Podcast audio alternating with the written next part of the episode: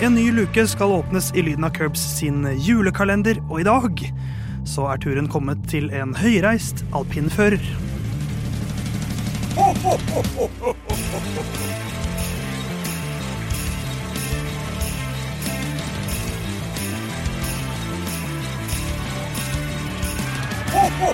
Lørdag 3. desember, den tredje luken i Lyden av Curbs sin julekalender, den skal åpnes uh, nå. Og du som hører på, du har allerede sett episodetittelen, så du vet jo hvem vi skal uh, oppsummere i dag. Theis sitter bak sprak og, sprak og klaff. Jon Halvdan, du spraker ved min side. Hvordan går det med deg? Det går veldig bra. Jeg skulle bare sprake litt. Du klarte ikke det, faktisk. Nei, veldig kjipt. bedre lykke neste gang. Ja. Hyggelig, hyggelig å henge med dere i går og i forgårs. Eh, Gleder meg til å henge med dere i morgen også. Jeg òg, mens eh, Herman, du henger og dingler, du òg. Jeg er her. Det er jo kanskje det mest uh, overraskende Ja. eh, til nå. Og tydelig grenlandsdialekt i starten, Ja. med ord som overraskende. Det er veldig fint. I dag er det Esteban Ocon det skal handle om. Det er det. Eh, Denne franske slåpen mm. til alpin. Ja. Eh, Du har i oppgave å oppsummere hans sesong på ditt eh, valgte vis. Ja. Eh, Så da, Herman, er eh, ordet ditt. ja, den er god. Um, jeg sk... jeg begynner dårlig. Okay. Jeg skal oppsummere Esteban Ocon sin sesong, eh, og for hans del så er det Gjør jeg det med en graf, for det har ikke skjedd så mye den sesongen her, så jeg velger å gå litt vekk fra, fra den sesongen, selvfølgelig. Her kommer han inn i Formel 1. Um, og så går det litt nedover hele veien, til han havner i en sånn basketak med Max Verstappen i garasjen der.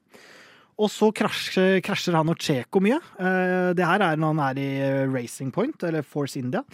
Eh, krasjer mye med lagkamerat. Alt går dritt, og så mister han setet. Da er vi helt i bånn. Men så kommer han tilbake. Så comeback-sesongen. Da er han på vei opp igjen. Og så får han en seier. Og så slår han Alonso i førersammendraget. Så han er på stigende kurve. Og så får vi se hvor han ender. Grunnen til at han ikke er her oppe, er fordi et høydepunkt i en Formel 1-fører sin karriere, det er å få et Formel 1-sete. Så han må liksom opp på et verdensmesterskap for å videre her. Så det er oppsummering av, uh, av sesongen hans. Og vet du hva? For, de, altså, for deg som bare hører dette som podkast, så høres kanskje det Det tok jeg meg i nå. Men, men eh, jeg vil anbefale deg der eh, hjemme å gå inn på vår Instagram-side eller vår TikTok, Lyden av Curbs. Så kan Ja. du se en video der nå av Herman sin graf, for han hadde en graf på et ark her. Ja, Som han uh, ja for det skulle, til. det her skulle være audiovisuelt, og jeg innser nå at det Det nok var var, visuelt. mer visuelt. visuelt. Eh, Men det er en kreativ take, og det Ja. er litt det disse julekalenderne Men det er jo, for å forklare kurven, Ja. så han kommer inn på topp når han får et sete, og så gikk alt nedover. Ja, for å beskrive kurven. Den ser ut som en V eh, Ja. som fortsetter etter denne sesongen på Ja. vei oppover. Ja. Så er man har veldig tiltro til at eh, det kommer til å fortsette oppover. Ja, men ikke så høyt som han kom inn. For jeg mener at et høydepunkt for alle Formel 1-førere er å komme inn i Formel 1. Det er helt Så for enig. at han skal gå over det eh, Så han er ikke på vei over det, for da må han typ bli verdensmester. Eh, Så, så han er på en måte f- på vei til å flate ut, da. Så skal vi begynne med, med de mørke punktene på Esteban sin sesong i år, eller? Det kan vi godt gjøre. Eh, hvis jeg skal begynne, så er jo for min del bunnpunktet eh, litt avslutninga på sesongen for Ocon sin del. Og jeg går utenomsportslig, eh, som jeg ofte gjør. Jeg syns det har vært en litt traust avslutning med litt sånn uh, stygge kommentarer i retning uh, Alonso. Han har blant annet sagt nå at han har stått for mesteparten av utviklinga og jobben med det. De har jo hatt flere treff nå på slutten som ikke har blitt helt sånn kritiske. Det har vært litt dårlig stemning på radio begge veier. Men jeg syns det er en litt uh, trist måte å gå ut på et samarbeid av, da. Så, så det er rett og slett bunnpunktet for min del på Ocon. Ja, litt sånn sportslig, altså sånn utenomsportslige vibber. For, Ja. for sportslig sett også så har det jo vært en, en, en, en god sesong, men samtidig en sesong uten sånn de aller største høydearene. Det har liksom, han, han mangler jo en podeplass, det er ikke noe Altså, på, For å referere til grafen din igjen. Ja. Jeg føler ikke dette er en, en sånn voldsom byks opp igjen. Nei. Det er mer en slags stagnasjon. Ja, det er sant. Uh, og på min uh, graf, som du som kun hører på, ikke har sett ennå, så er det jo et stort sprik på vei nedover til han, helt, til han mister setet. Ja. Og så er det små byks oppover, Ja. selv om han har hatt en seier og kommer over Alonso. Så det er jo litt betegnende kanskje for, eh, for min del. Og selv om han kommer over Alonso i år, eh, i førermesterskapet, så har vi, vi som har sett hvert løp, kan jo ikke si at han har sett bedre ut enn Alonso. Nei, og Vi prata også om det i første luka, at Alonso har høyere poengsnitt i fullførte løp. Mm. Så og så slår han ganske greit i kvalik. Ja. Men, eh, men så er jo også en dobbel verdensmester en viss målestokk. Ja, ja, definitivt. Ja, absolutt. Men det er en 40 år, En år 9 gammel. år gammel, eh, gammel verdensmester også. Nå har han eh, eh, tre færre eh, DNFs enn det eh, Eller brytninger enn det Alonso hadde, og likevel så er det kun 11 poeng foran. Ja. Det syns jeg er litt bunnpunkt. Altså, hvis man først skal eh, sette sitt merke på sesongen, eh, og man har mulighet til å gjøre det mot en eh, aldrende verdensmester, vel å merke verdensmester, men eh, aldrende For han tok over rett etter Fanjo, gjorde han ikke det? Han Jo da. Jo, det var det.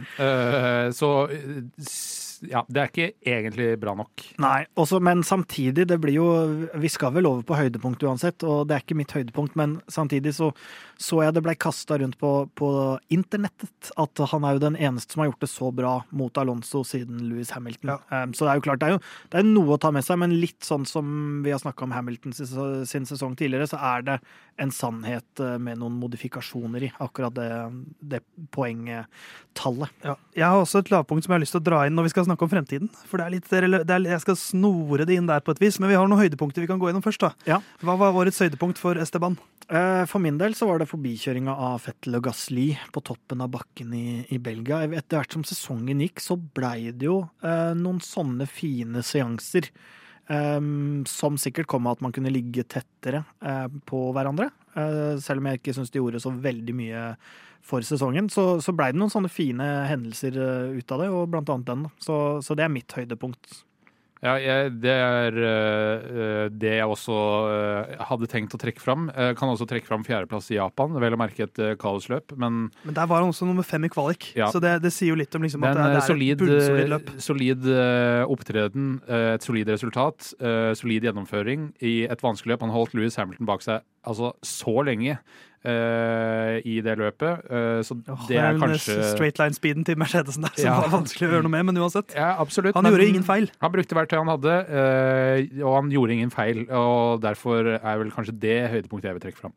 Så en, en veldig veldig stabil eh, sesong av Esteban. Han blir nummer åtte, da, som er jo en god VM-plassering for, eh, for eh, å være i den bilen han er, men fortsatt er et godt stykke bak Lando Norris. Så det, liksom det Alpin slår jo McLaren i, fører, nei, i konstruktørmesterskapet, men fortsatt så er da eh, Ocon et godt stykke bak Norris, som jo sier litt om kanskje det sier, det sier mye om mye, det. Både om eh, førerparingen til McLaren, men også om nivået til eh, Ocon opp mot Norris, kanskje. Ja, det vil jeg nok si. Og så er det jo litt sånn som vi har vært innom før, man vet jo aldri helt det reelle nivået på bilene. Nå vil man jo kanskje kunne si ganske mye om den alpinbilen, siden de makrer hverandre ganske så greit, men sånn som vi vil, vil jo aldri helt vite hva den McLaren-bilen egentlig var god for, uten at vi fikk se Ricardo litt bedre, eksempel. Så, så, men, men de kunne Jeg, jeg tipper jo eh, både Ocon og Alonso kom cirka der de hørte hjemme i år. Eh, så det er en helt grei sesong sånn sett. Så det flater litt ut på grafen til Herman. Eh, hvis vi skal se hvor grafen leder videre, hvor spår du at eh, det går neste år for Esteban? Hva tror du? Ja, jeg, jeg tror det er en veldig lik sesong. Det blir jo spennende å se hvordan han gjør det med, med Gassly da, som, som ny makker. Um, han bør jo slå han, sånn hvis, hvis liksom det skal være en god utvikling for Rokon. Så jeg tror fort han kan gjøre det. Og så ser jeg fort for meg at Ocon kan havne i Mercedes en dag. Litt også på grunn av at Hamilton gir seg nær relasjon nei, til Toto Wolff. Tok hånd, faktisk. Han kjenner seg sjøl godt, men nær relasjon til, til Toto Wolff. Og også det at de andre er bindet opp i ganske sånn Ja. dyre, lange kontrakter rundt omkring. Så det blir eh, interessant. Min, altså min, mitt lavpunkt i år for Esteban Ocon, Ocon- Esteban Ocon er jo at eh, de har signert Pierre Gasly. Fordi at det, er- det er mye snakk om, eh, om hva skal man si, vibben mellom Kevin Magnussen og Nico Hulkenberg. Men eh, det er en mye dypere splid mellom Ocon og Gasly. Er det, det, er to familier som hater hverandre, visstnok. Og eh, dyp, dype konflikter fra kartingdagene, hvor de hata hverandre. Så er det sikkert mulig å vokse opp og skvære opp litt. Men jeg tipper at da Ocon liksom hørte det, at det blir Gasly, så tipper jeg han tenkte merd. Ja. uh, Altså for- faen. ja, for, for det, er, det er litt sånn klein stemning mellom de to. Eh, Ja, og eh, det blir jo Begge er jo franske, så det blir jo Ja, ikke sant? Eh, eh, I det franske laget, hvem er det som blir kongen eh, av Frankrike i Formel 1? Eh, det er jo per nå Romain Grosjean kommer tilbake. Ja. Eh, eh, hva er det han blir kalt? Den eh, franske pasienten er vel eh, Franske Phoenix hos ja. meg. Eh, For deg, ja. Eh, Så det, det blir jo en interessant duell. Kanskje enda mer interessant enn det jeg har sett for meg i, i starten. Eh, To som er litt på samme sted i karrieren nå, føler jeg. Ja, begge to har vært eh, mer eller mindre kasta ut. Altså Gasly har vært kasta ut, men hatt et sete. Og Con ble kasta ut, eh, kasta ut. eh, Og kom tilbake igjen nå, begge to i alpin. Eh, Og det er en Gasly som eh, føler, vil føle han har mye å bevise, eh, mot en Ocon som jo har bevist mye av det han kan bevise i alpin. Så det blir en interessant dynamikk. Det tror jeg blir spennende eh, for Ottmar Safnauer å skulle holde tak i det her. Han slår meg som en type som kan klare det. Men nå blir det spennende for Esteban, for nå skal han få julegaver av Lydna Curbs. Herman, eh, siden du er vår Ocon-ekspert, kan Ja. ikke du gi han din gave først? Jo, øh, den er ikke like kreativ som øh, sexleketøy til Alonso, som jeg ga til i første luke. Eh, men eh, når du ser Drive to Survive Å, du skal snakke om det igjen. men når du ser Drive to Survive, så kommer han veldig godt ut av det. Så du skal en, gi han sesong én på DVD? nei, men det er en, det er en, eh, det er en familie som har jobba hardt. eh, han er hardtarbeidende, alt det her. Um, og han skylder foreldra såpass mye at jeg velger å gi Åh, gavekort til foreldra du er en søtnot, altså. på en, lang, en langhelg på The Well i Kolbotn-området i Oslo. Og for de som kanskje syns det er litt harry, det er Herman sitt favorittsted i hele verden. Ja, omtrent. Så etter, etter New York og USA. Ja, Så, eh, så det henger høyt, altså. ja det gjør det. Og det er, ja, så de skal, det er jo et spa hvor de skal få meske seg i Ja. diverse ritualer. Og jeg har, jeg har gått litt spa, eller liksom velværeruten også. Mm. For eh, Esteban er jo en av de høyeste i feltet, og jeg syns han har et snev av det jeg kaller tall guy slouch. Eh, han har litt dårlig Ja, ja, ja. holdning, Det som veldig mange høye mennesker har. eh, Fordi at de er vant til å bøye seg litt ned. Eh, Så jeg har rett og slett også gitt han det gavekort på yogatimer. For yogatimer er veldig, er veldig bra for holdningen. Man lærer seg å gå med rett rygg og sitte med rett rygg. Og for de som ikke kjenner Theis, så er det da favorittsporten hans etter sykkel. Ja, Toppidrettsutøver yoga. eh, Det er kanskje det han kan bli. Men uh, å bli kvitt tall guy-slouchen hans, det er mitt mål med min gave. Så det er min gave til deg, Esteban. Eh, jeg, eh, For at eh, Ocon skal få lov å forberede seg på det som eh, kommer nå, den interne krigen, så skal jeg gi han et eh, godt stykke napoleonkake, så han kan eh, eh, finne sin indre Napoleon før han skal ut i krigen mot Gasly. Napoleon, som var kjent for sin høyde. Eh, den, eller fravær av høyde, på en måte. Ja, han var gjennomsnittlig for ja, Han, han var det, men han er kjent for sitt fravær av høyde, Ja. selv om det ikke stemmer. Takker britene for det. Så eh, det var dagen til Esteban i dag. Eh, Mm. Vi får se hvem som vi skal eh, dykke ned i i morgen, og hvilke audiovisuelle krumspring vi skal gjøre da. Ja.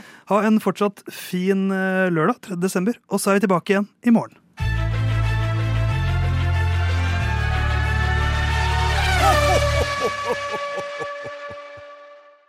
Good luck this weekend, Stroll! Thanks.